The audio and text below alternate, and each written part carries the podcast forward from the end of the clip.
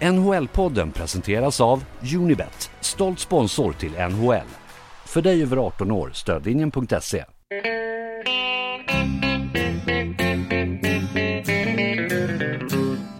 Hello out there, we're on the air. It's hockey night tonight. Tension grows, the whistle blows, and the puck goes down the ice. The goalie jumps and the players bump and the fans all go insane.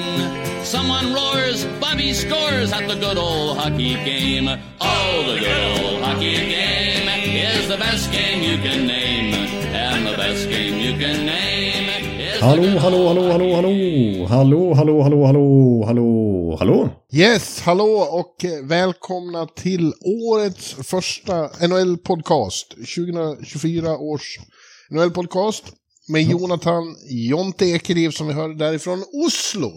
Det här är den norska huvudstaden nu. Eh, Det stämmer. Och eh, mig då, Per Bjurman, i New York. Eh, och då får vi... Oslo? Jag trodde du skulle vara ute i hyttan i Hardangervidda eller vad ni är någonstans. Gudbrandsdalen. Ja, Det är ju eh, OS-backen i Lillehammer ungefär där någonstans som hytten ligger. Där har jag varit och firat jul. Nej, jul eh, det åkte efteråt. Men nyår firade jag där. Ro- om julen firar du där. Romjula som vi konstaterat ett... Eh, jag har druckit rom mycket riktigt. Så att, eh, jo, men det var, det var väldigt trevligt. Och eh, väldigt mycket norrmän som är i sina hytter i nyår har jag konstaterat. Så det var ju... Ja, det, det var nästan mer eh, fyrverkerier än eh, i mitt i stan i Stockholm. Ja. Ja, ja. Ja, här är vi, vi hade ju uppehåll då, Romjula, till ära förra veckan. Ja. Så det har ju gått två veckor nu sedan vi spelade in och rimmade så det stod härliga till här. Ja, ja. Och har firat jul och nyår. Eh, Jag har ju fortfarande min bror här ytterligare några dagar. Eh, Det har varit en fin jul, får jag säga. Det var ju underbart att Ola B dyker upp. eh, Att brorsan firar både jul och nyår med det där borta i New York. Det måste vara Ja. något. Storfinken. Storfinken, ja, det är du som är bofinken och så storfinken var på plats också. Ja. Eh, ja, vi åt, på, på vi åt svenskt julbord på julafton och, och sjöng eh, Fairytale of New York när klockan slog tolv på eh, bra bar. Och sen, eh, ja, det har gått i ett. Och en hel del hockey har det varit. Storfinken har skaffat sig biljetter, han är ju Rangers-fan. Ja. Ja. Eh, så han har haft bra biljetter på, eh, längst ner vid Rinkside. Eh, Jaha, de biljetterna till. Har han till och med stått och smattrat i glaset? Nej, Nej. man sitter inte riktigt så nära. Nej. Det är en, en, en, på garden är det ett snäpp upp. Just det, Ja, det är sitter sant. där. Ja. Sitter, sitter väldigt bra. Eh, Och både nöjd och missnöjd med lagets insatser. Ja, men jag tyckte jag noterade i bloggen i kommentarsfältet där att han... Eh, Jo, han var, han var chockad över ditt, eh, att du är född 1990. Eller, nej. du har ju hunnit fylla år också sen sist. precis. Ja. Jo, det blev ju där uppe i hytten som jag, som jag fyllde år och fick... Eh, ja, jag är ju fikakonnässör så jag fick en hembakad Budapestrulle vet du Bjurman. Det är inte lätt att få i New York. Nej, jag vet. det är din favorit alltså. Det är min Eh, favorit. Ja. i- Intressant. ja, så firar man en födelsedag på bästa sätt vet du. Ja, Och lite rom. Ja, ja. Och sen själva nyår då, då var ni där också? eller? Ja precis. Ja, det, sa vi ju just. Vi pratade Ja, om det. Fyrverkerier, nu vart jag yr i huvudet. Fan, nu är jag yr alltså. Jag hänger inte med här. Jag sitter och tänker på vad vi ska prata om. Ja, ja, vi har mycket att ta ikapp vet du. Ja, När vi inte har snackats vid på två veckor i poddsammanhang. ja det var ju ett uppehåll där över, över jul. Mm. Eh, och sen brakade igång i, i Romjula. Eh, och sen var det nyår och eh, Winter Classic. Och efter Winter Classic, det är, är det på något vis då det börjar om på riktigt. Och nu, nu är vi inne i den verkliga grinden. Ja, ja nu är det... Nu är det, nu är det januarimörkret monumentale som gäller. Eh, Ja. I en månad fram till All-Star-breaket så är det liksom den kanske tuffaste sekvensen på hela säsongen. Ja, jag håller med. Det är en riktig lunk och viktiga poäng som står på spel. Nu har de ändå kommit en bra bit in liksom. Nu börjar det bli lite svårt att... Ja. Ja. Det, det konstaterade vi redan under hösten att det är viktigt att inte hamna i något hål eller så. Men det, nu är det verkligen långt in i, i grinden här som du säger. Men eh, ja, sen så börjar jag tycka att det börjar gå lite lättare sen. För sen närmar det sig trade deadline och det börjar bli massa rykten och hit och dit. Och, Ja, Efter, ef- efter, efter All-Star-breaket, det är inledningen på, på slutet. Och sen Mm. efter, eh, efter trade deadline, då är vi inne i spurten. Ja, just det. Den, den bjurmanska NHL-kalendern så att säga. Ja, ja. ja, ja. Så, så låter det. Det- Så tycker jag den ska, ska hänvisas till allt. Ja, nu i den bjurmanska... Då är det alltså tokmörker just nu, men sen, sen vet vi vad som väntar. Ja. Ja, men du, jag tänkte, vi kan ju, vi kan ju ta avstamp då i Winter Classic. Eh, Ja. Som var i Seattle eh, på T-Mobile Park, deras baseballarena där. Inför 47 000 spelade eh, Seattle Kraken och Vegas Golden Knights. Och det, är alltså två lag som inte fanns för 5-6 år sedan. De är nu, eh, alltså, eh, utgör the matchup i ett av ligans viktigaste event för året. Det är i sig lite mindblowing. Ja, precis. Det var väl lite så marquee-match eller vad man ska säga för NHL på det viset att de kan slänga ut sina två nyaste lag i en så viktig match som du säger marknadsföringsmässigt och ekonomiskt för ligan. Ja. Eh, och att de, att de onekligen klarar sig. Jag menar, Seattle har ju redan blivit lite av en kassako för ligan och Vegas är regerande Stanley Cup-mästare. Så det är ju inga liksom vilka lag som helst faktiskt. Nej. Och det framgick ju där att, att Kraken verkligen har blivit en, en, en hit i sin hemstad. Det var ju som sagt 47 000 där och ett jäkla drag. Och eh, de, har, de har omfamnat eh, sitt efterlängtade hockeylag riktigt ordentligt där uppe. Ja, precis. Och gjorde det till sitt eget event på så vis att det var ju... Det kastades fiskar hit och dit och var marintema och det var även lite grunge-tema och lite allt möjligt och massa Seattle-legendarer i olika, från olika skrån på plats. Så det var ett riktigt Ja. Seattle-event faktiskt. Ja. Sen är ju matchen som den är då. Jag tycker jag, jag för länge sedan har ju nyhetens behag kring de här utomhusmatcherna klingat av. Jag, eh, det blir jippoartat för mig. Men eh, därför var jag inte där heller. Det hade ju kunnat vara. Nej, i början var det ju nästan alltid på Winter Classic. Ja, ja men eh, det är ju inte mycket till upplevelse live. Alltså för man bara ser så dåligt och, och det är kallt och det är jävligt. eh, eh, eh, jag, eh, ja, men jag har ju varit på några. Jag var på eh, en av de första där på eh, Wrigley Field i Chicago. var ju eh, fascinerande upplevelse. Får inte tala om Michigan Stadium då när vi var över 100 000 eh, i Ann Arbor. Just det. The Big House. Med snö och allt. Ja, ja, The Big House. Ja, då var det, det, det var ju något. Eh. Och så ska jag ju nu, det blir ju matcher här i, i New York i februari också. I, på MetLife Stadium blir det två matcher. Just det, det är ju Stadium Series. Så att de ska... Ja. Det, det är ju eh, liksom... Jag har använt begreppet kassako tidigare i podden här. Men det är ju lite så för NHL. Det är därför de kör de här matcherna också. De tjänar mycket pengar på det. Ja. Rangers mot Islanders och sen Islanders mot Flyers på, på den här jättestadion. Men, men dit ska jag ändå gå för att jag är väldigt eh, eager på att få se insidan av MetLife Stadium, vara backstage och se omklädningsrummet för Jets och Giants och så. Det, jag antar att det är fantastiska faciliteter där. Ja, just det. Du är ju van vid att se katakomberna och bakom kulisserna eh, områden i, runt om i Nordamerika. Så jag förstår att det lockar lite grann för en sån som du. Ja. Ja. Men vad det gäller årets Winter Classic då så var det ju framförallt en The Story of Joey Dacord. Eh, Ja.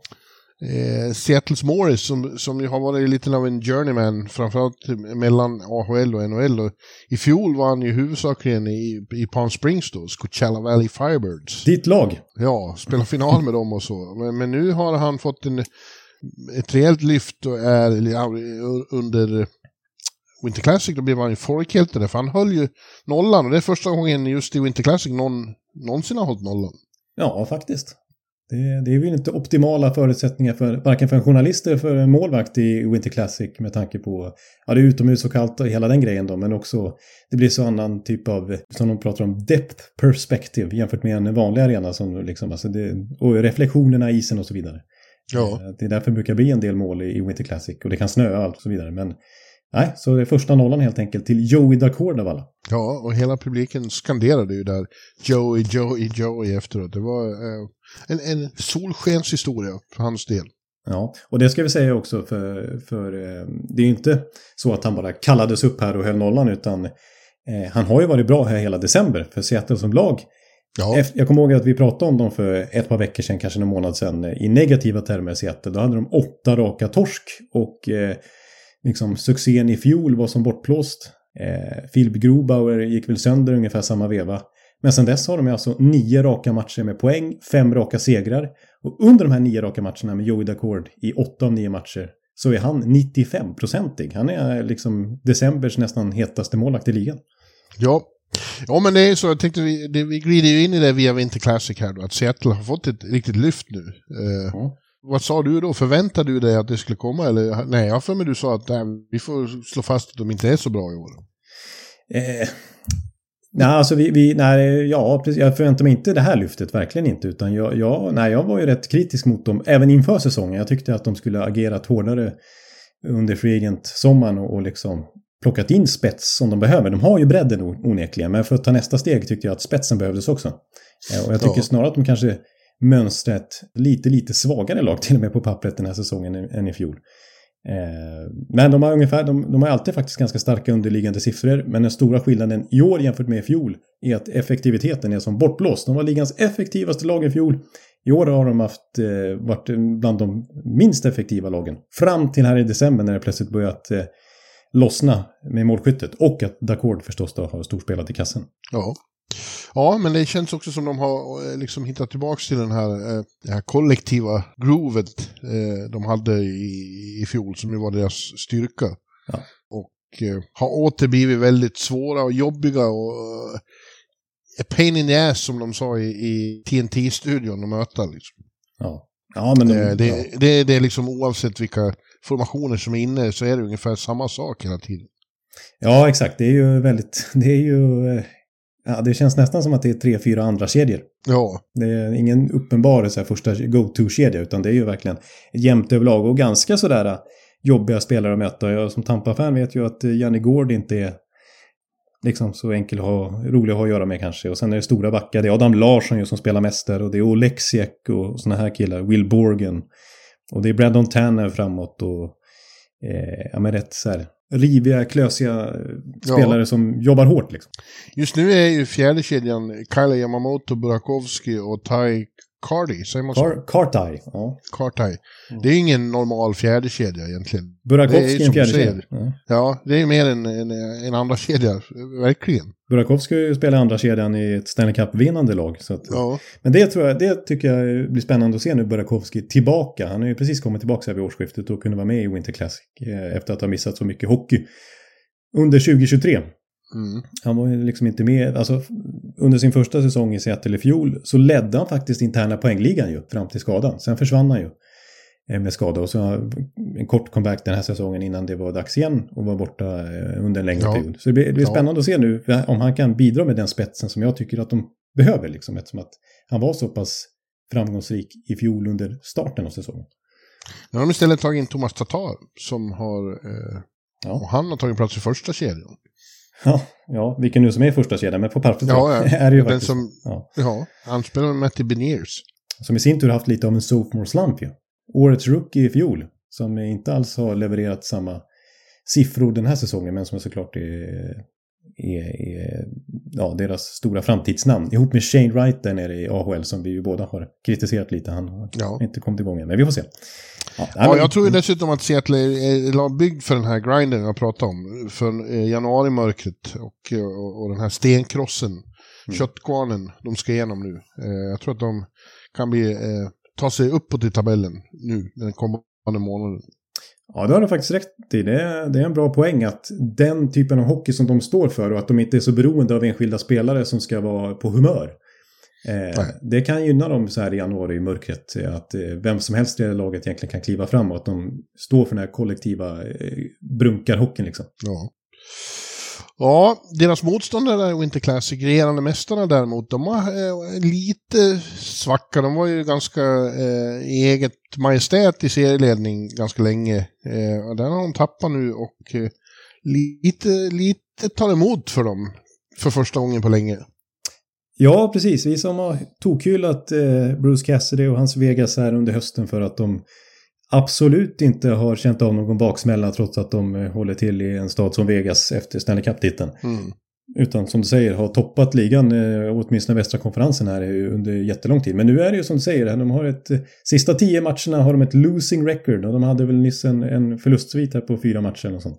Ja, Ja, de såg inte alls bra ut. Man har sett vissa matcher, till exempel eh, finalreprisen mot Florida, där, då var de väldigt uddlösa nere i Sunrise. Eh, och det kanske är normalt, det är inte så att det är så jättemycket skador. Shea Theodore och Aiden Hill saknas ju förstås, men mm. eh, de har ju ändå, eh, i princip är det ordinarie lag. Ja, precis. Och eh, en, eh, något som varit väldigt positivt för dem den här säsongen som inte jag räknade med, det är ju att Mark Stone har spelat samtliga matcher. Han som haft sådana ja. ryggproblem att det var snack om att för typ ett och ett halvt år sedan att han skulle behöva lägga av liksom och, och missat mängder med grundseriematcher de senaste åren. Men han har ju faktiskt spelat hela säsongen hittills. Så, ja. Ja, jag skulle ändå inte vara orolig om jag är Vegas. Alltså de, eh, alla har ju liksom svackor. Det, det, det är omöjligt att gå igenom en hel säsong och vara superbra hela tiden. Även om Boston kanske utmanade den uppfattningen i fjol. Ja. Fram till slutspelet då. Men jag tror ju att Vegas kommer vara ett av topplagen och de kommer vara contender. Eh, och det kan vara bra för dem att få lite eh, adversity också. Ja, precis. Det brukar ju faktiskt, eh, faktiskt vara så. Och så har jag hört både Stone just och Cassidy klaga lite på att de har haft ett ganska tufft schema så här halvvägs in på grundserien ungefär. Där, ja, nu gick Tampa och Columbus om och har spelat fler matcher än vad Vegas har gjort. Men de, de hade en kort sommar då, och så har de faktiskt spelat och fram till Winter Classic flest grundseriematcher också. Så de har Ja. eh, påstått att de är... De har faktiskt skyllt lite på det. Då, att de är lite trötta. Ja, ja men det kan, eh, så kan det absolut eh, bli. Det har du ju sett med ditt Tampa, att ibland så blir det liksom, det sliter ju.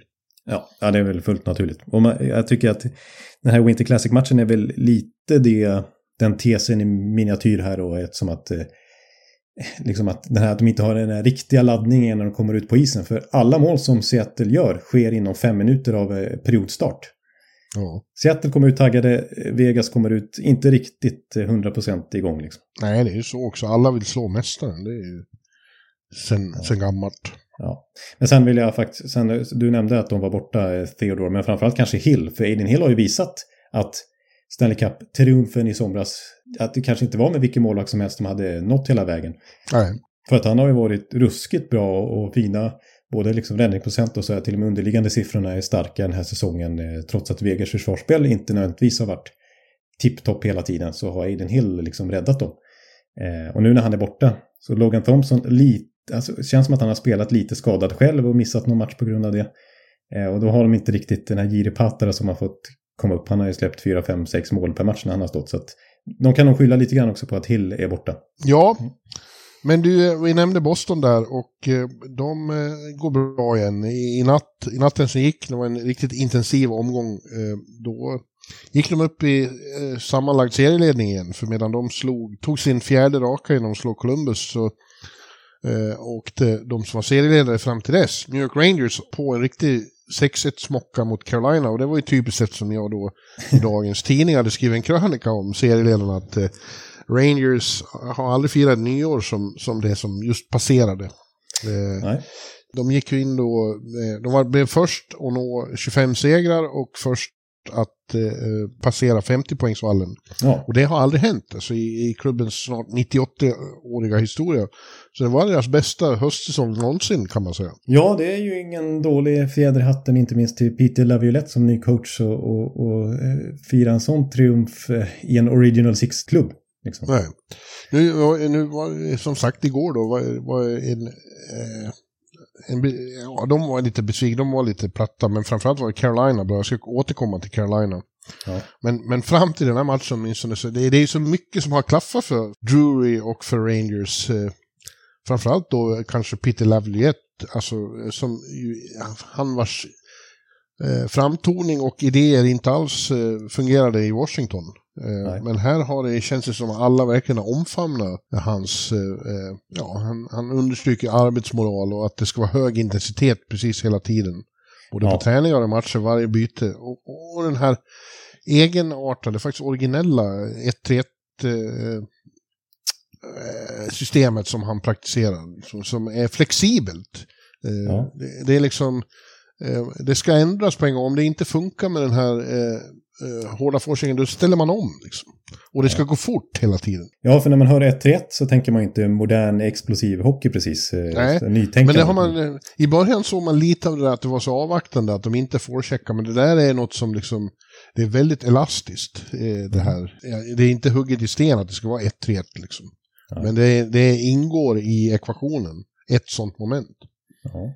Ja, Och, och, det, och det, det har de köpt och sen är det ju enskilda, enskilda spelare som, har, som thrive under honom och framförallt Panarin då som eh, verkade bli lite hämmad av Galant men nu får dansa som han vill. Ja, eh, exakt. Eh, När, eh, när Rangers slog där Tampa med 5-1, vilket inte jag tyckte var så roligt, i Tampa och det var fullt av New Yorkers på läktaren som tog över Amalie Ja. Arena på ett sätt som inte ska ske, tycker jag. Det- slängdes in kepsen han gjorde hattrick. Det gillar ni inte. Nej, nej. nej, det där talar vi tyst om. Men eh, ja, då, då, då kom det till och med sms från Bjurman att eh, Panarin är Hart Trophy nomineringsvärdig som han spelar nu. Ja, men det är han ju. Det är, tycker jag, det står jag för. Eh, Den matchen var ju speciell. Han är ju bästa kompis med Kucherov och god vän med Vasilevski. Och det verkar... eh, De verkar triva, ja, det, det verkar han trivas med att få spela mot dem. Ja, det, Tydligen han och, han och Kucherov hänger på somrarna liksom. Jag åker inte till Ryssland utan stannar i USA och hänger. Ja, ja det, det, det ser ja, han, hänger väl mycket i Florida, gör han ju Panarin. Det är väl precis som Bobrovski. Det var ju lite aktuellt med Florida. Inte Tampa utan Florida då, eh, för några år sedan innan han skrev på för Rangers när han var free agent där. Ja. Men ja, jag gillar ju Panarin också egentligen som spelar. Det är ju en eh, ruskig... Han och Kutjerov är inte helt olika. Det är ju liksom artister ute i... Det är underhållare verkligen. Hockeyunderhållare liksom i sättet Ja. de spelar på. Ja, Eh, verkligen. Men sen vill jag... Men... Ja, Men sen är det ju liksom all, alla de här som vi... Det var ju mest imponerande med att han knöt till, knöt till sig alla de här för en billig peng. Så Blake Wheeler, Jonathan Quick, Erik Gustafsson, Pitlick, eh, Nick Mm. Bonino. Eh, men det är inte bara det att de har varit billiga, är billiga, utan att de har ju verkligen eh, gjort laget mycket bättre. Eh, gett en annan bredd och, och, och, och ja, Wheeler är ju till och med liksom i första kedjan, ny lekkamrat åt Mika och Kreider. ja. Och han ser lite stolpig ut, han ser lite stelt och långsamt ut, men det är inte det. Han är så smart samtidigt, så det, det gör inte så mycket. Eh, Ja, ja, det får man säga att Drury har. Det är inte bara Laviolette-investeringen som har varit lyckad från sommarens transaktioner. Eh, Nej, om det fortsätter så här måste ju han vara GM, GM of the Year nominerad också, skulle jag tippa. Eh, Ja. Den kanske största succén ändå, mest oväntade, är väl Jonathan Quicks Ja. Fantastiska eh, föryngringsprocess. Han blir tio år yngre igen. Han har ju, eh, det har vi varit inne på förut, det är ju så konstigt att säga, men han har ju i princip varit bättre än Sjistorkin. Sjistorkin har varit liksom, ja, bra emellanåt, men lite svajig. Mm. Och istället har Quick varit helt otrolig vissa matcher han har spelat. Och- Jag har gjort några vansinniga räddningar. Ja, det är inte klokt, alltså för att i fjol, det, det fanns ju ett skäl till att Kings tog det kontroversiella beslutet att trada honom. Mm. Det kändes ju som att han var slut då, när han väl spelade. Han liksom var ju klappkass emellanåt. Ja, och trots att eh, Vegas hade Klappkass? lite... Klappkass, ja. Eller var till och med ett sånt här tjockt L. Klappkass. Klappkass, ja. Blev- Ja, mördande. Mördande klappkass. Ja, det är någonting. Men det, det, det är faktiskt ingen jätteöverdrift för att han har ju haft typ eh, bland NHLs sämsta statistik här de senaste fem åren typ. Alltså det har ju varit en, en lång eh, tid här, med nå- något undantag, någon säsong i, i Kings på slutet där han, där han liksom legat i botten av Ja. statistikkolumnerna. Och som du säger, när, och så kom han ju till Vegas och vann Stanley Cup där, men han var ju, st- stod inte en minut i slutspelet. Han var ju inte aktuell att hoppa in där liksom. Nej, men, men ändå, det är som att den där traden fungerade på honom så den där getingsticket fungerade på tjuren Ferdinand i- på julafton. Ja. Eh, Han blev rasande över det och, och, det känns ju som att det är mentalt liksom. Att jag ska fan visa att det inte är slut. Nej. Fyller 38 alldeles snart. Ja, det är, det är otroligt. Vi ska väl komma in lite mer på målvakter, för jag tycker vi ska prata om Torontos beslut att wava Ilja Ja. Samsonov. Men, Ja, ja men det, vi, nu tar vi först eh, bra lag här. ja, men det, just att, att eh, Quick är så bra, det, det, nu i Rangers, det är ju det som är så hopplöst med att analysera målvakter, vilka som kommer vara bra. Joey Dacord liksom, att han ska kliva upp Ja. här och, och, och frälsa Seattles säsong som det ser ut just nu. Det är svåranalyserat målvaktsmarknaden onekligen. Men en till som jag vill lyfta upp i Rangers, det är faktiskt eh, Laviolettes assistent. Hans gamla lagkapten när han var tränare i New York Islanders en gång i tiden. Michael Pekka som har kommit och, och står som assisterande coach i, i Rangers den här säsongen. Som har. Ihop med din gamla favorit Phil House. Ja, just det. Phil Housley, ja. ja. Som vi såg i, i Nashville en gång. Ja, precis. När han, fick, han stod ju... Vi såg en powerplay-träning där med Nashville och han hoppade in på point och såg ut som Ja. Erik Karlsson liksom. ja, Han var ju otrolig vilken nivå han fortfarande höll. Men Michael Pekka är den som är PP-ansvarig för Rangers nu och eh, nu har ju Rangers länge haft ett bra PP här med Panarin och, och Kreider och Zibanejad inte minst och Fox Ja. och dessförinnan Tony DeAngelo och ja, de, de har, det har inte varit något problem med powerplay-spelet men ändå så har de faktiskt lyft sig 6 procentenheter den här säsongen jämfört med i fjol. De, Ja. de har ju, de och Devils eh, tampas ju om att leda powerplay-statistiken båda på drygt 30 procent. Så där, där har Michael Pekka lyckats eh, faktiskt lyfta PP ytterligare med, med sina riktlinjer. Och så har han också haft fokus på att eh, Rangers ska bli bättre på att teka. Som konsekvent varit eh, ett aber för Rangers. Ja, alltså. ja, verkligen. I alla år. I alla år. Alltså jag såg att nio säsonger i rad har de varit under 50 procent. Ja. Och då liksom räknar man det senaste decenniet så är typ Rangers sist i NHL. Eller i alla fall. ja, det är helt otroligt. Ja, alltså i tekningar. Men den här säsongen. Med Michael Pekkas eh, liksom, eh, nya idéer. Ja, de är trea i NHL i tekningar. Ja. Ja, det är storartat ju förstås. Det, och det är ju må- många de samma centra liksom. Det är Trocek och det är Zibanejad och så vidare. Och ändå så... men- Trocek har ju också en, eh, det är, Mm. eh, tror jag, en pjäs och han har ju en väldigt bra säsong. Alltså. Mm. Det är en sån man också tänker sig, ja det är väl en habil så här. Men han har ju varit riktigt bra och spelar ihop med Panarin då. Ja, just det.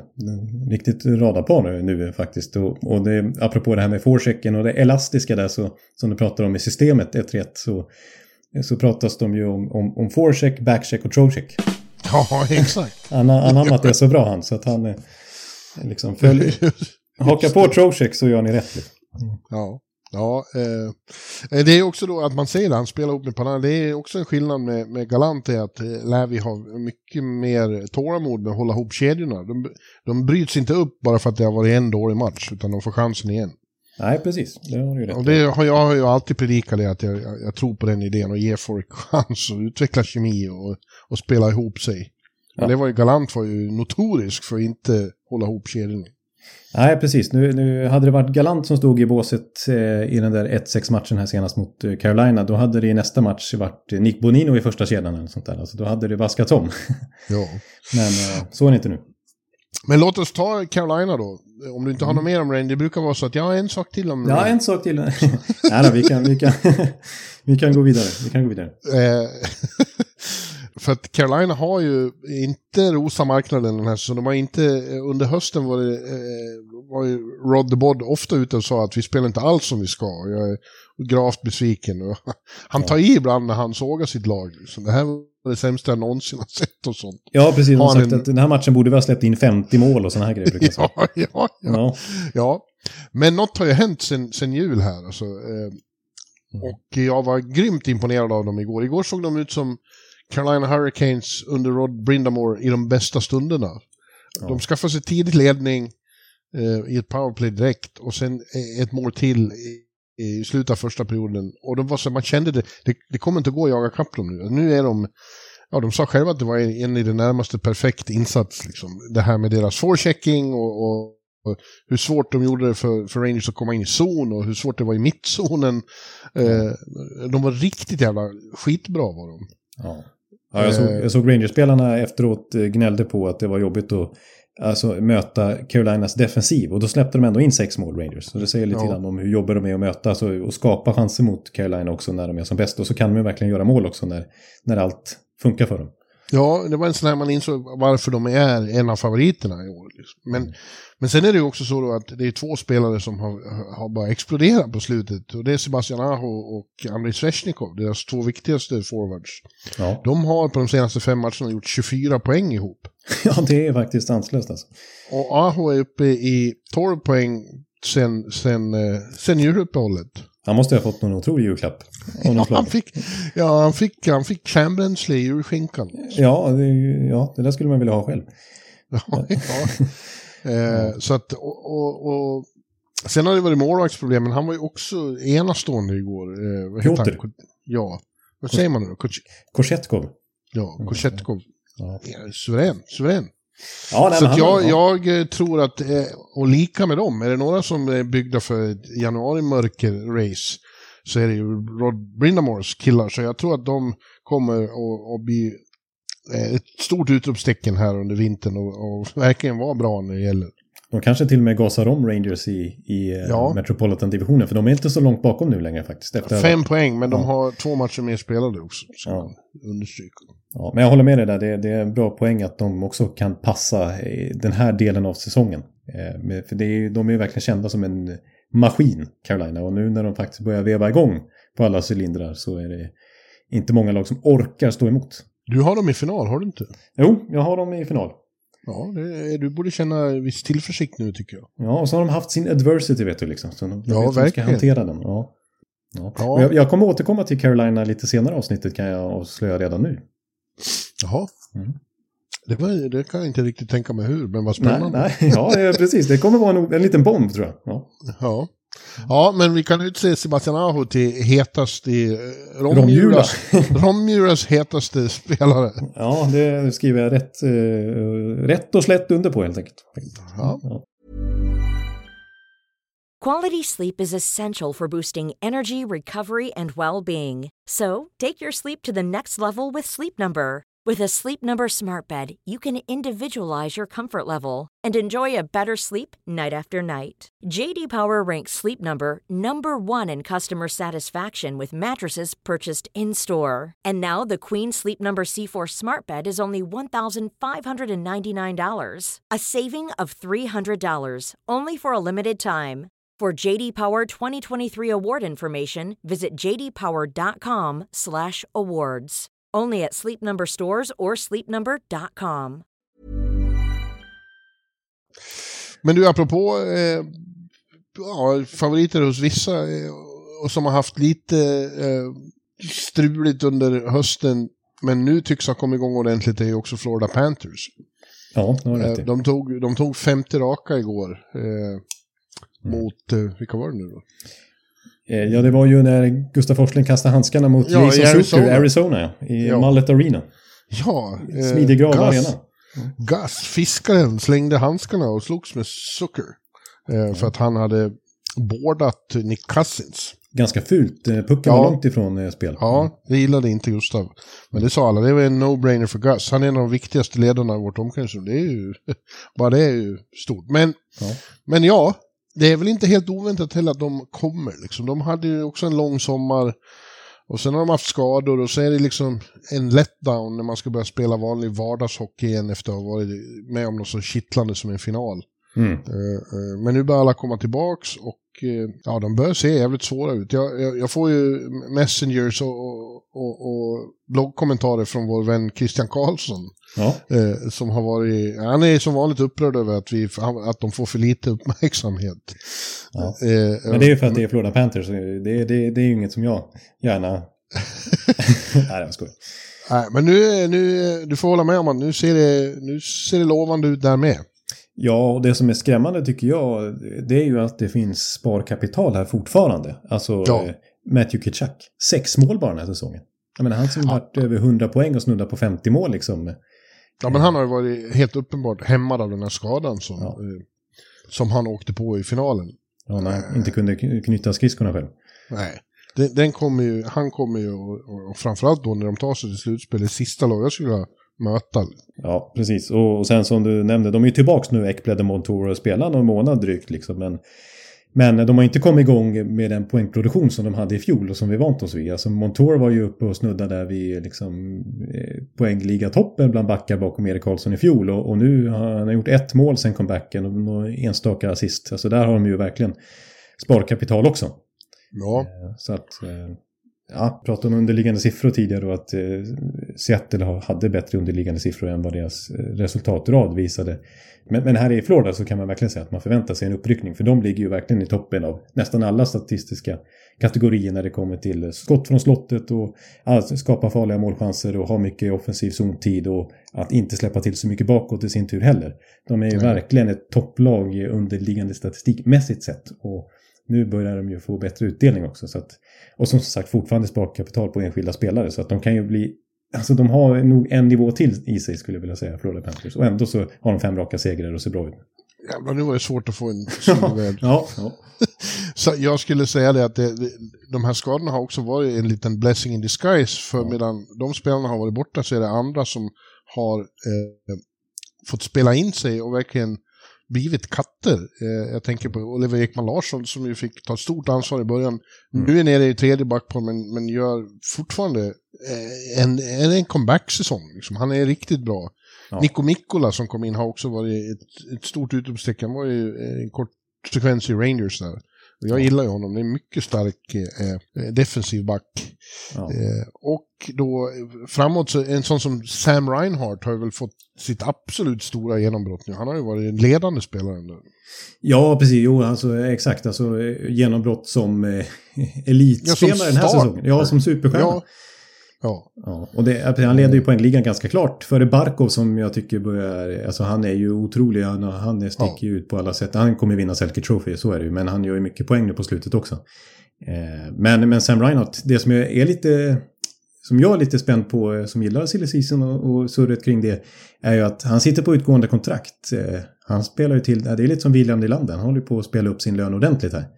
Eh, Gustav Forsling, utgående kontrakt ja. Brandon Montour utgående kontrakt. Allihopa är UFAs. Det kan bli tufft för Florida att behålla alla tre. Och vilka ska man i så fall prioritera av Reinhardt, Forsling och Montour? Den är svår. Ja. Ja, jag vill också, e- ett namn till jag vill slänga in, han var ju bra redan i fjol, e- men det är Etu Lutsarainen, han gjorde, han gjorde två mål här om sisten och, och får spela powerplay och tagit vara på det. Och, eh, det ja, när man tittar på den här uppställningen, det är bra, det är bra namn överallt. Ja, ja exakt. Det var ju en, en grym... eh, När de vann grundserien så överlägset för två år sedan då, då var det ju Lustar, Lustarinen, eller Lostarinen om jag ska göra Jarkko nöjd. Då blev man säkert inte nöjd ändå, jag vet inte om jag... Men, eh, Han brukar inte bli det. Nej.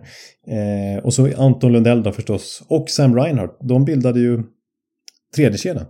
Eller var det. Mason Marchment förresten? Ja, de har, ja men ändå. Det, det, det är ju en ruggig bredd i det där laget fortfarande. Alltså. Ja.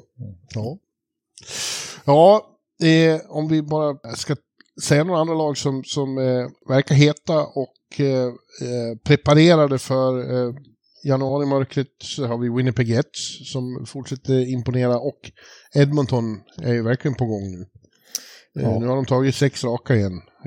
Men Winnipeg, alltså de, de eh, flåsar ju Colorado i nacken i toppen av, av, av Central.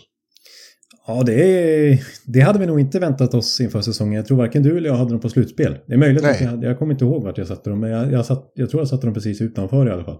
Ja, och nu har de liksom Kyle Connor borta och ändå vinner och vinner och, och är svåra att spela mot. De- har verkligen...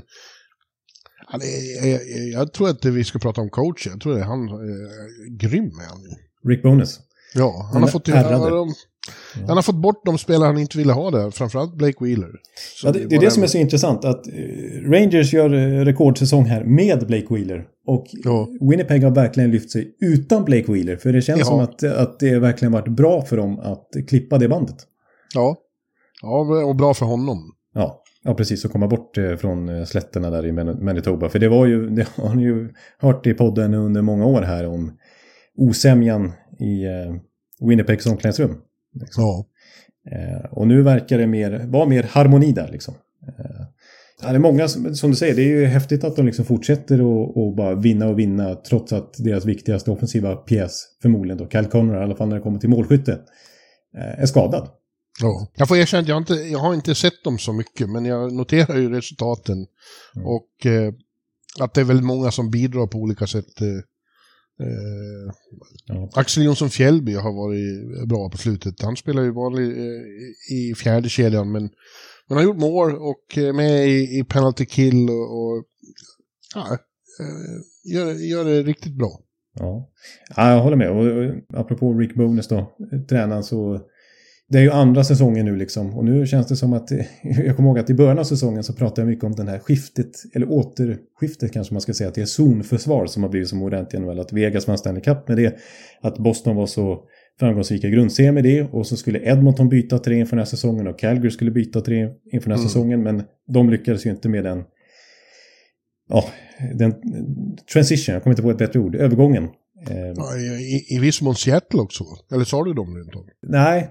Nej, men det det var det någon jag pratade med häromdagen. Det var nog K-mannen i Seattle som på att det var liksom eh, skavde när de försökte spela annorlunda. Ja, och Tampa har ju försökt lite grann också. Det är många lag som har haft problem med att byta helt liksom Ja. defensiv struktur. Men eh, Rick Bonus är ju en riktig zonförsvarskille och, och eh, Winnipeg har haft ruskigt solitt försvarsspel den här säsongen. Framförallt har ju Conor Hellebuck varit helt grym i kassen, men det är ju en synergi. Liksom. Ja. Om han har bra försvarsspel framför sig så kommer ju hans siffror bli bättre också.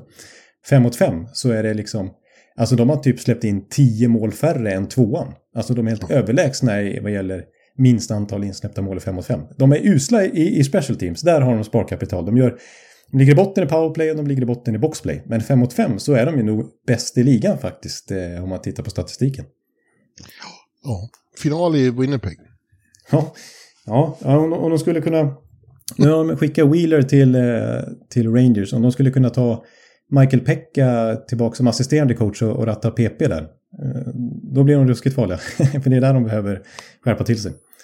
Final mellan Florida och Winnipeg. Eh, Ja, det, det är mot, motpolerna. ja, då skulle tv-bolagen gråta. Ja, jo, nej, det, det, då, då pratar vi inte kassako för NHL precis. Nej. Nej, ja, men eh, bra är de. Eh, Ja. Och Edmonton, ja, vi behöver inte gå in på, vi vet ju hur det är. I, igår så blev Conor McDavid gjorde ett mål, fyra assist och blev 50 snabbast i historien och 900 poäng. Ja, det, han ligger alltså trea poängligan nu efter att ha legat 61 där eh, långt in på hösten. Ja, ja. Snacka om att Ja. ha rest sig. Mm. Men apropå sådana milstolpar så måste vi i förbigående nämna Erik Karlsson också som här sisten blev, eh, eh, gjorde sin 600 assist. Eh, Ja. och eh, det är bara två andra svenska backar som har gjort det, Börje och Niklas Lidström. Börje Salming och Niklas Lidström och Erik tog sig dit snabbare än någon av dem. Ja. Eh, eh, han är nionde snabbaste backen någonsin och komma till 600 assist. Det är jävligt imponerande. Ja, och även om det är svårt att nå upp i Niklas Lidströms poängantal efter så många matcher som han gjorde och så bra som han var över tid och ända liksom hur dominant han var som 39-åring typ, eller 40-åring nästan liksom, Niklas Lidström. Det får Ja. vi se om Erik Karlsson klarar av. Så är det ju inget, alltså, det är ju inte... Jag vill definitivt konstatera att han är den bästa offensiva svenska backen genom tiden. Vad gäller Lila så är det alltid mindblowing att ta upp det. Han vann sju Norris Trophy och den första vann han när han var 31. Ja, ja det är faktiskt helt... eh, Det är ju helt bisarrt. Ja, det är det. Ja. Ja, Så det- Erik har tid på sig. Ja, i så fall så har han ju två, tre, fyra Norris Trophy till i sig. Om han ska ha samma durability som Niklas Lidström, vilket ju förmodligen ingen annan har. Men nu spelar han i ett lag som är är svaja hit och dit. De är väldigt svåra att få grepp om Pittsburgh. De är bra ibland och sen är de helt jävla kassa emellanåt. Hey, I'm Ryan Reynolds. Recently, I asked Mint Mobile's legal team if big wireless companies are allowed to raise prices due to inflation. They said yes. And then when I asked if raising prices technically violates those onerous two year contracts, they said, What the f are you talking about, you insane Hollywood ass? F- So to recap, we're cutting the price of Mint Unlimited from $30 a month to just $15 a month. Give it a try at mintmobile.com slash switch. $45 upfront for three months plus taxes and fees. Promo rate for new customers for limited time. Unlimited more than 40 gigabytes per month. Slows. Full terms at mintmobile.com. Ja, Jag, tycker, jag förstår mig inte på det laget, för är det något Nej. lag som har rutin, det är den äldsta medelåldern i hela NHL. Och som har eh, Stanley Cup-titlar, eh, liksom eh, prisskåpen där hemma i Stanley Cup-ringar, Crosby, Malkin och Letang och hela, många i det gänget och Mike Sullivan som coach. Och så ändå så är de så svaja under matcherna och Ja, exakt. svaja från match till match. Alltså det, och gör märkliga misstag och, och, och kollapser och, och liksom. Ja, jag förstår, det är mycket märkligt lag. Typiskt igår, de startade katastrofalt och hamnade i 4-0 underläge mot Washington i första perioden. Och sen är de så när går ikapp. Ja, ja precis. De är, det är båda delar i samma match liksom. Ja. Enormt hög högsta nivå och väldigt låg lägsta nivå. Mm. Eh, jag tänkte vi skulle prata lite Toronto också då. Där har ju varit, eh, som ofta, eh, detta, denna drama queen till organisation. har haft problem på målvaktssidan. Ilja Samsonov har varit riktigt kass under, under december och slutet av december. Eh, han är sämst, av de som har spelat tio, målvakter som har spelat mer än tio matcher, så han har näst sämst stats i hela ligan. Eh, och det vart ju bara sämre och sämre och nu har ju faktiskt eh, eh, Toronto satt upp honom på waivers. Och naturligtvis var det ingen som tog honom. Eh, eh, det, de har dock inte skickat honom till Malis, men, men han är satt åt sidan och ska vara för sig själv ett tag. De vill att han ska ha en mental reset och inte vara med på träningar och inte vara med laget. Nej, nej, precis. Ja, som jag har förstått det så ska han i alla fall jobba med eh, målvaktscoachen, men inte med Torontos målvaktscoach då, utan med Marlies. För att liksom Ja. få en något, ny röst att lyssna på, liksom så här. För att få en total reset, helt enkelt. Ja, ja eh, det är ju inget nytt eh, fenomen att det är krångel med målvakt, på målvaktssidan i Toronto, men då, då, då till allas enorma förvåning så åkte de till Los Angeles igår och då höll Marty Jones nollan. Ja. Ja, alltså på ett sätt blir man inte förvånad med tanke på att en sån som Jonathan Quick går in och storspelare i, i Rangers liksom att, det, att då kan väl Martin Jones plötsligt få fart på karriär, karriären. Men ja, det återstår att se om man kan hålla i det där. Men absolut, det var ju uppseendeväckande att han håller nollan i sin gamla hemmaarena där. Ja, ja, kanske därför. Men eh, det känns ju ändå inte som liksom, eh, vägen framåt att hålla Martin Jones i handen och gå med de ambitioner som ju Maple Leafs har. De, de, Ja. de, de är ju win now mode. Precis. Nej, de, de har inte råd att vinna ett slutspel med en osäker målvaktssida igen. Liksom. Nej. Och nu då eh, ikväll, nu är det ju back-to-back då, och nu verkar det ju som att Dennis Hildeby, svensken, Mm. eh, får eh, debutera. Ja, det är ju spännande. Ni som hör det här kanske mm, många eh, av matchen vart och vet hur det gick. Men det blir spännande att se. Jag tror inte att Toronto var, liksom, det var meningen att han skulle stå en sån här match egentligen. Uppenbarligen förstås.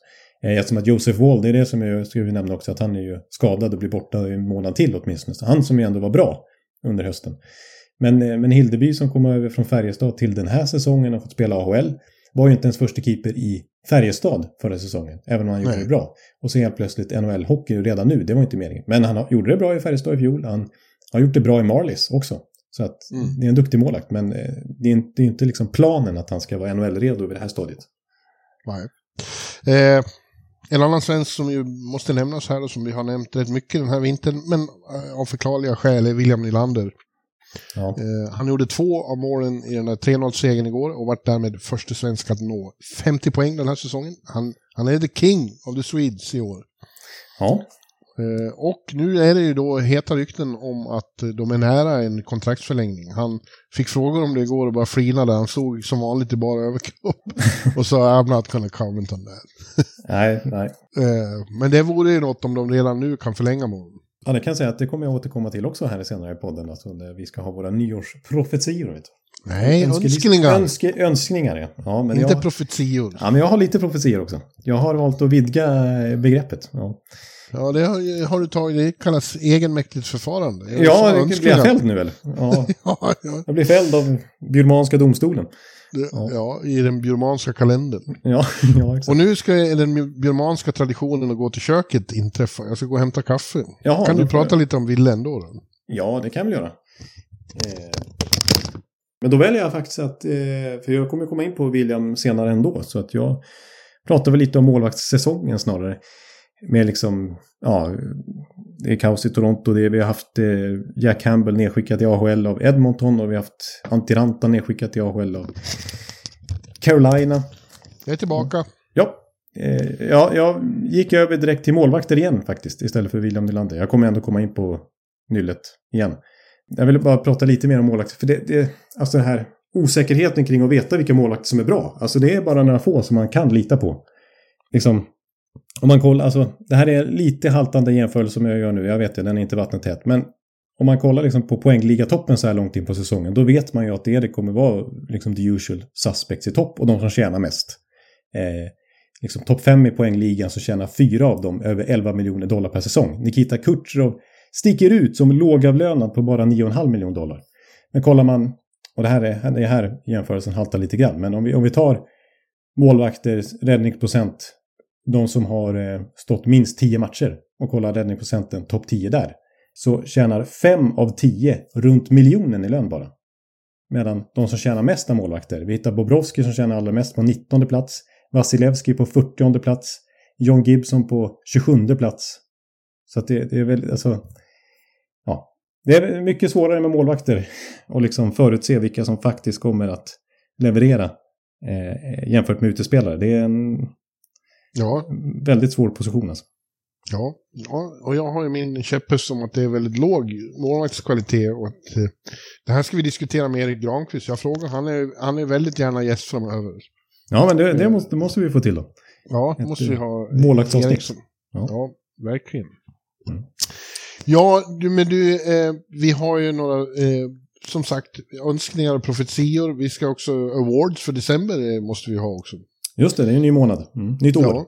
Mm. Men låt mig innan vi går på det vill jag bara eh, nämna lite om JVM också. Jag, Ja. eh, det pågår ju för fullt i Göteborg och Sverige har tagit sig till semifinal.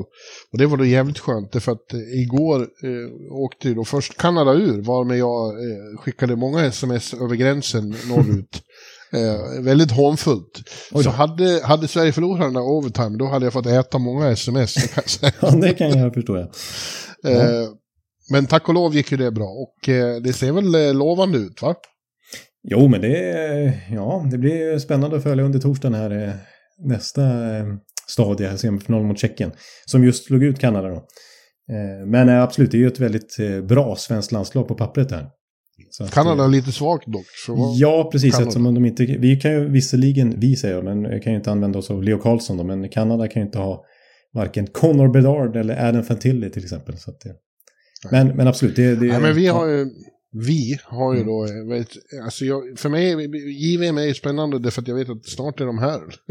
Ja, Snart eh, har, jag Läckeremäki och Sandin Pe- Pellika ja, och kompani. Eh, och det, det är alltid lite kittlande liksom. Ja. Ja. Och de ser ju jävligt spännande ut, många av dem. Ja, Läckermäki som jag vet hämtat, det här är- säger jag inte med mina ögon sett bara men det här är som att han har sagt det själv, att han har tagit stor inspiration av Steven Stamkos och kollat, liksom specialstuderat hans skott. Och han står ju ofta där i sitt kontor i JVM-uppsättningen där, där Ovechkin och Stamkos och så vidare brukar stå. Och en ruskig raket och ruskig snabb release måste jag säga.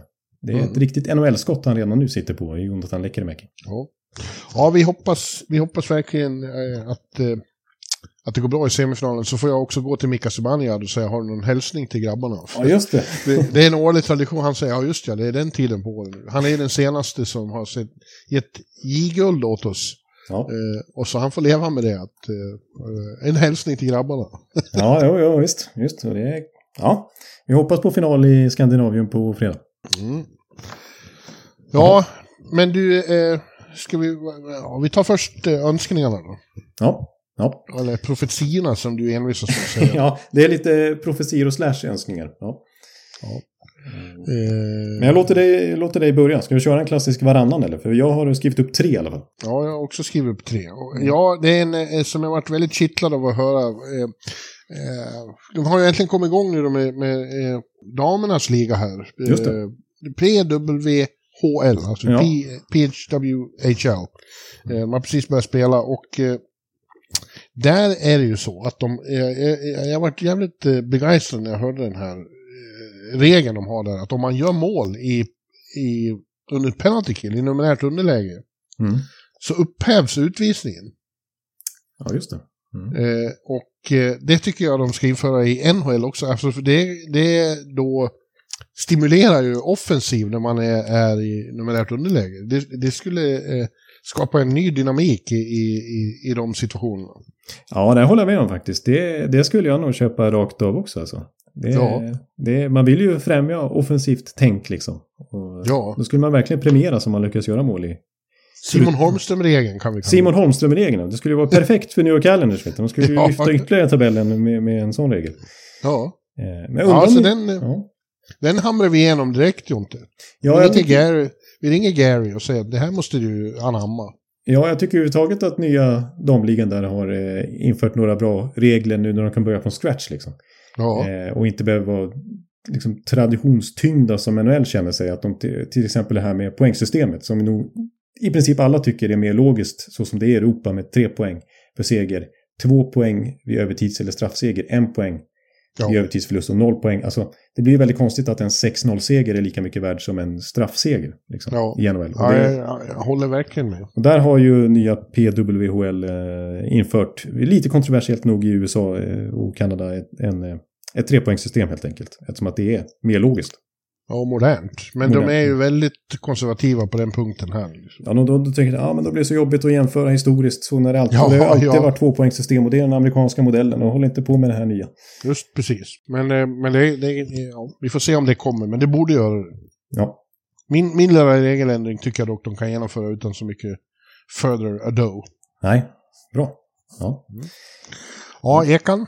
ja eh, men då kommer min eh, ja, önskning slash profetia, för det är väl kanske både och. Men eh, eh, jag tittar lite på eh, ja, men, eh, kontrakt och så här eh, och silly season 2024. Och då är det ju intressant med svenska ögon sett med Pettersson och Nylander vad som ska hända där. Och eh, jag har väl inga bomber som jag har som profetior helt enkelt. För jag tror att båda stay put faktiskt. Ja, det tror jag också. Eh, men däremot så tror jag väl att Elias Pettersson kan klamra sig över eh, Erik Karlssons eh, lönenivå och bli den bästa svenska... Eh, Bäst betalda. Bäst betalda svenskan i NHL helt enkelt. Det är ju 11,5 miljoner han ska slå då, Erik Karlsson. Det är, han ska bli eh, topp 5 i hela NHL faktiskt om man ska klara av det. Så det är ju ingen liten lön. Och frågan är om Elias Pettersson är topp 5 i NHL så om man, man ska argumentera i en förhandling sådär. Men ja, nu kommer ju lönenivåerna gå upp i takt med att lönetaket går upp också. Och Elias Ja. Pettersson går ju rätt in i sin prime. Det är ju sitt stora kontrakt han ska skriva nu. Ja, Eh, och eh, inför säsongen sa jag att ja, han vill ju se liksom Vancouver knappt gå till slutspel förutom i bubblan då under hans session där. Och, och det har bytts coacher till höger och vänster. Liksom. Han vill ju se att det blir stabilitet och, och segrar där innan han ska börja förhandla. Jag menar nu, nu toppar de ju västra konferensen i princip. Så att han borde ju ha blivit lite mer lockad att eh, skriva, skriva under det där kontraktet med Alvin. Ja. Så att det, ja, det, är min, det är min förutspåelse. Och samma sak med Nylander då. Det är ju till och med rykte nu att det börjar närma sig. Och, och min uppfattning är också att Nylander faktiskt väldigt gärna vill stanna. Att det inte bara är tomma ord. Eh, nej, han vill sitta där och åka tunnelbana i. ja, ja, eh, så jag tror det blir eh, 10 miljoner dollar. Att det blir, eh, Ja, det blir tvåsiffrigt antal miljoner dollar per säsong i capita. Och det blir ju svajigt för Toronto att klämma in under lönetaket. Men samtidigt, lönetaket går upp. Det är ett år kvar sen. Sen går ju Tavares enorma monsterkontrakt ut. Och då, då tror jag inte man tycker det är värt att offra Nylander. Liksom när det ett år senare bara kommer finnas mycket plats igen. Eh, ja, Vad gäller, Elias så är det också värt att påpeka, apropå JVM, att eh, det är ju eh, väldigt intressanta land, unga landsmän som är på väg in i the pipeline också. Eh, ja. eh, Lekkerimäki som vi sa, hans namn är Elias Pettersson och Tom Wilander också. Ja, precis som de tog eh, tidigt i draften i somras som jag tycker ser Ja. riktigt bra ut. Alla de där som du nämnde, även hans namn ser ju, ser ju vassa ut. Det kan bli, mycket väl bli bra NHL-spelare av allihop. Ja. Mm. Så det eh, känns som Alvin har gjort ett riktigt bra jobb där och att framtiden är ljus i Vancouver. Så jag, jag, jag tror absolut han vill stanna nu. Med Ja. Tocket som coach också. Ja, visst. Mm. Mm. Mm. Ja, nu vill vi höra Bjurres nästa önskning då. Ja, det här är ingen profetia, det är en önskning. Jag tror jag var inne på den förut och det är att jag i vår verkligen vill se en slutspelsserie mellan Islanders och Rangers.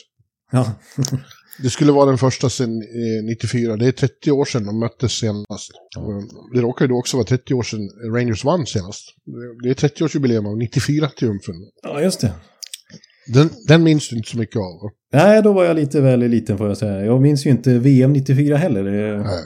tyvärr. Nej, det var, det var några spännande veckor där. när Det var Rangers vinner Stanley Cup och det är fotbolls-VM och det är O.J. Simpson-drama i Oj, Los. Angeles. Det känns som alltihop kolliderade. Ja, du ser. Ja, det, var, det enda jag minns från den där sommaren var när papporna i huset skrek av glädje över Sveriges mål. Och ja, det var traumatiskt för det var så hög, hög, högljutt. Och så här. Lille Jonathan Ja, det var liksom, passa inte en liten knodd. Ja. ja, men så det, det är min önskning och den är inte helt otänkbar. Liksom, eh, Devils har de mött flera gånger under min tid här, men eh, eh, en, en serie mot slaget om New York i slutspel, det skulle bli något sånt fruktansvärd, eh, alltså sånt fältslag. Ja, Och, ja, och åka mellan garden och, och UBS Arena, vilket jävla tryck det skulle bli. exakt. Dels på isen men ännu mer på läktarna. Alltså. Ja, och i stan, det skulle bli Talk of Town, den serien. Ja, och det är inte alltid det så eh, i världens, eh, världsmetropolen New York. Liksom. Nej, så är det inte. Ja, men eh, vi fortsätter med Jonte då. Ja, då har jag ju en, en farhåga kanske vi kan säga, det- kalla det här. för. Men vad fan, önskningar sa jag. Ja, ja. Önskningen är ju i det här fallet skulle vara att Tampa vinner Stanley Cup och att eh, Steven Stamkos skriver nytt kontrakt och sådär. Men farhågan är att eh, kanske 2024 var året när, när Stamkos eh, försvinner, när John Cooper får sparken. Ja, jag kan tänka mig att Tampa som lite skenbart ligger hyfsat nära slutspel fortfarande. Men eh, grejen är att de har ju fler matcher spelade än väldigt många andra lag. Så att poängprocentmässigt är ju både Pittsburgh och New Jersey före i tabellen. Så att jag, jag tror det blir tufft alltså för Tampa att, att nå en slutspelsplats. Och missa dem. ja, då kanske faktiskt Brisboa, den osentimentala Brisboa, tänker om lite och, och vill kicka igång det här lagbygget igen och, och, och att Stamkos får gå och att John Cooper byts ut. Ja. Eh, och Det, blir vore ju- inte, det blir inte Viktorgrad som, som, även om det inte är så bra säsong för laget, han är ju grym igen, Viktor. Trea i backarnas poängliga. Ja, Eh, Ö- matar målgivande passningar hela tiden. Ja, men eh, där ska vi nämna också att eh, i, i den här farhågan så kan jag klumpa in det också att han blir ju, mm, alltså hans kontrakt har bara ett år kvar när nästa säsong här 2024-2025 kickar igång. Ja, ja. Eh, Och ska liksom Stamkos och Cooper bort, vet, då får vi se vad Hedman tar vägen också. Alltså. Så det, det kan hända, det kan bli eh, omskakande år för Tampa Bay eh, om det inte blir slutspel här framåt våren. ja, just det. Viktor i New Jersey några år. Nej, nu slutar vi. Nu går vi vidare till nästa. Nu vill vi ha en önskning. så. Nej, jag, har, jag har bara en sån där önskning om en regeländring till. Och, och det är eh, att man förlänger övertid eh, istället för att gå till straffar. Eh, Pierre LeBrun var inne på det häromdagen. Liksom, expanded 3-on-3 overtime. Spela 10 minuter. Ja, för att slippa För att slippa straffar. Ja, ja jag, jag, jag är både Jag, håller... jag tror att det blir roligare. Nu har ju 3 mot 3 blivit lite tråkigare, eller inte så lite heller, emellanåt jävligt mycket tråkigare för att det är så... så eh, ja, de har ju blivit så försiktiga. Liksom. Exakt, det är, det är liksom, så fort man inte har ett uppenbart målchans så vänder man tillbaka istället och så Ja, tar men det- burskydd och åker och byter liksom. Ja, det kanske kan finnas en regeländring där med, att man inte får spela bakåt eller något. ja, nej, jag vet inte, men det är ju någonting som behöver hända med 3 mot 3. Tror jag också, så det var det jag skulle invända mot när du sa 10 minuter där, för att ja, det är ju inte alls som det var i början där 2018 typ, liksom 2017 eller nu. Men inför. det är då bättre än straffar i alla fall. Ja, det är det verkligen. Ja, straffar är- kan i och för sig vara lite underhållande, men det känns ju inte som det mest rättvisa sättet att avgöra en hockeymatch. Nej. Ja, ja, då tar jag min, eh, min sista. Mm. Och här är en liten cliffhanger då. Eh, Jag sa att jag skulle nämna Carolina igen. Ja, Eh, Och då är, ja, då är väl önskningen kan man väl kalla då. För det skulle vara kul att se Rod Brindamore i en annan klubb. Han har utgående kontrakt igen här. Inte skrivit på något nytt med Carolina. Eh, Jag har ju svårt att se att han inte förlänger till slut med tanke på hur rotad han är där. Ja det är hemma för honom. Han har ju Nej. inte varit intresserad av något annat förut. Nej, exakt. Han fick ju frågor om det här i somras inför säsongen när liksom de konstaterade reportrarna igen att du har utgående kontrakt och hur ska det gå? Men då erkände han åtminstone och sa att det kommer att bli a very hard negotiation. Ja. Eh, Så han och Cooper kanske byter jobb då? Ja, vem vet, vem vet. Alltså, jag skulle inte tacka nej i så fall med, som med Brindamore som ersättare till Cooper. Men det skulle vara väldigt intressant att se alltså, om det börjar närma sig liksom, att Brindamore... eh, För lite så var det förra gången han till slut skrev på. Då var det ju så att hela säsongen tog ju slut och det blev off-season innan han till slut förlängde. Så han var ju väldigt nära att vara regelrätt free agent på coachmarknaden. Eh, och Rangers till exempel erbjöd kontrakt och sådär.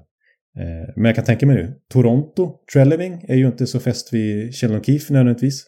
Nej. Om, om eh, Toronto skulle kunna lassa på fyrdubbel lön jämfört med vad han har i Carolina. För det, det är ju så att han har ju verkligen en av de lägsta coachlönerna i, i NHL. Eh, men han säger själv då att liksom det, det är hemma för honom. Eh, han påstår själv att det kan inte vara något annat proffslag i liksom all amerikansk sport där en coach har så mycket att säga till om som han har i sitt Carolina. För att eh, han är ju Tom Dundon, ägarens favoritgubbe liksom. Och i praktiken är det Dundon som, som styr och ställer även som general manager. Så att eh, han har sagt att det är, väg, är viktigt, det är priceless helt enkelt. Men, eh, Ja. men om, han har sagt, samtidigt sagt att det, han måste få en fair deal ekonomiskt. Och om då Toronto hostar upp 7 miljoner dollar per säsong jämfört med de 1,8 miljoner dollar per säsong han har i Carolina just nu. Det kanske blir svårt att tacka nej till ändå. Ja. Mm. ja. Ja, men tack då för dina önskningar och dina profetior som inte var några önskningar. Nej. Nej, det var eh, farhågor och eh, ja, Mm. möjligen eh, profetior. Ja. Ja, det här måste vi skärpa in till nästa år. Alltså. ja, det här, blev, här gick inte hem. Nej. Nej. Ja, eh, men det är också du som ska driva. Jag har faktiskt inte tagit ut det. är, det är ditt lilla moment det här. Awards för eh, december då. Du gör ju det här en gång i månaden och så får jag reagera. Ja, precis. Och eh, när du eh, har kört det här så har ju du gått på bara december. Eller bara Ja. november eller så vidare. Medan jag då ja, men, drar med hela säsongen och tänker att nu ska priset delas ut den här säsongen. Och vem förtjänar priset just nu helt enkelt. Mm. Eh, så att vi brukar ju börja med Det absolut tyngsta priset, Hart Trophy. Ja. Det går ut hårt. Och där har jag, jag kommer ihåg att i oktober så har jag faktiskt Thatcher Demko.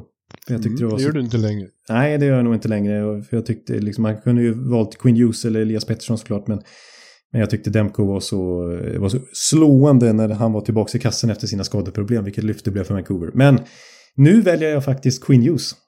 Jaha. Jag såg att eh, ISBN hade gjort sin gallup igen.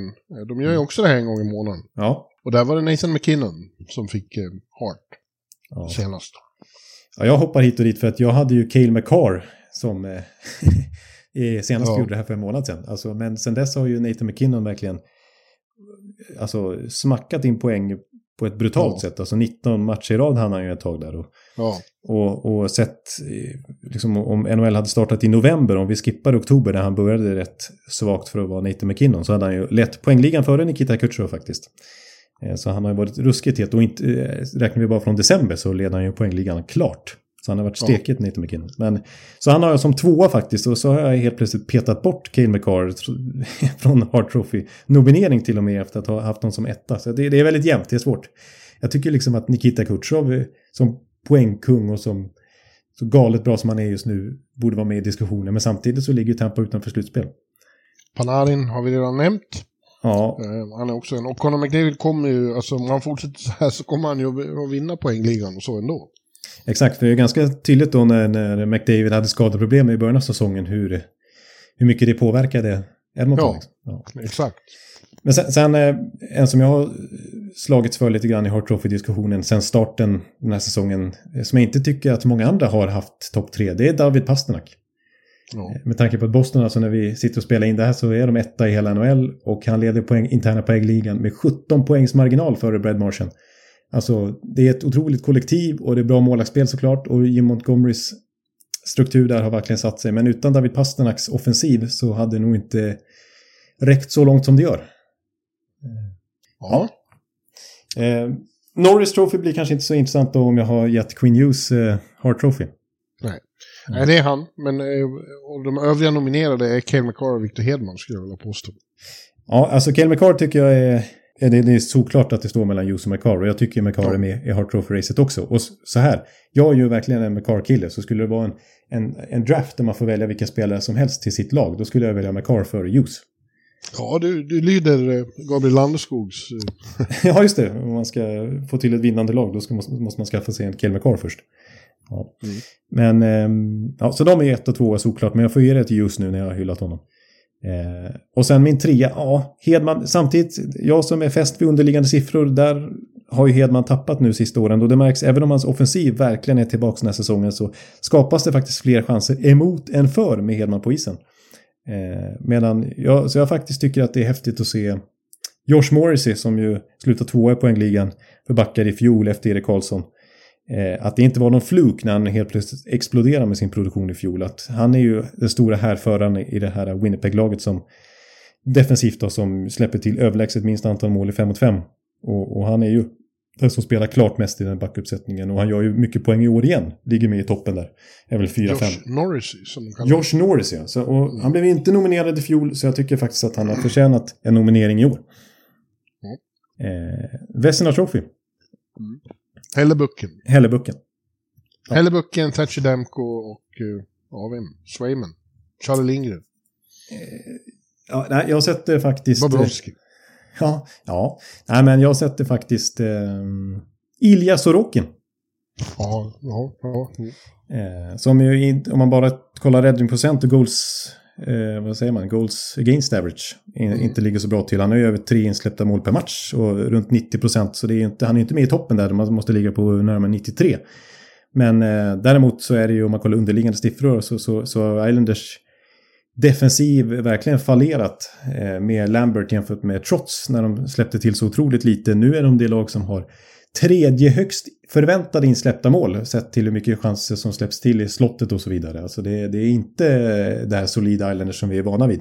Ändå ligger de så högt upp i tabellen och på klar slutspelsplats. Och det är ju för att Sorokin har, trots den här otroligt svåra arbetsbördan han har, så har han ju ja, ruskigt, ruskiga framförallt underliggande siffror när man tar, tar in sådana parametrar, alltså hur svåra lägen man har fått emot sig. Så att, eh, Nej, Ila Sorokin är ju MVP i Islanders. Mm. Och därför är han, Ja. är han, blir han nominerad här också. Mm. Jag köper det. Eh, Calder Trophy, den, den tror jag inte att jag behöver nämna vem som ska vinna. Nej. Nej. Det är ganska givet att det är Bedard. Ja. Mm. Det är ju ändå, han leder ju poängligan överlägsen stil för rookies. Sen är det ju många som brinner för Brock Faber, kanske till och med Per Bjurman. Ja, lite grann. Om, om Mm. eh, så otroligt som han spelar. Men det är inte på nivån att han knockar bort uh, Bedard här. Nej. Nej. vi behöver inte diskutera det ens. Nej, vi behöver inte diskutera. Däremot kan vi ju slänga fram det att, att Brock Faber alltså har spelat...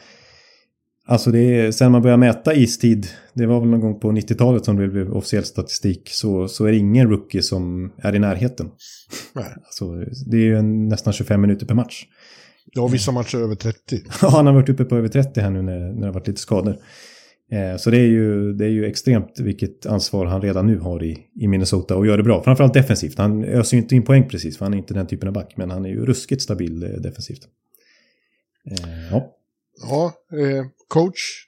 Ja, Jack precis. Adams. Ja, exakt. Alltså, jag har faktiskt inte brytt mig in och, och med, med Selke till exempel. Nej, där, där tycker jag. Barkov ska ha den. Men, men Jack Adams är intressant och där...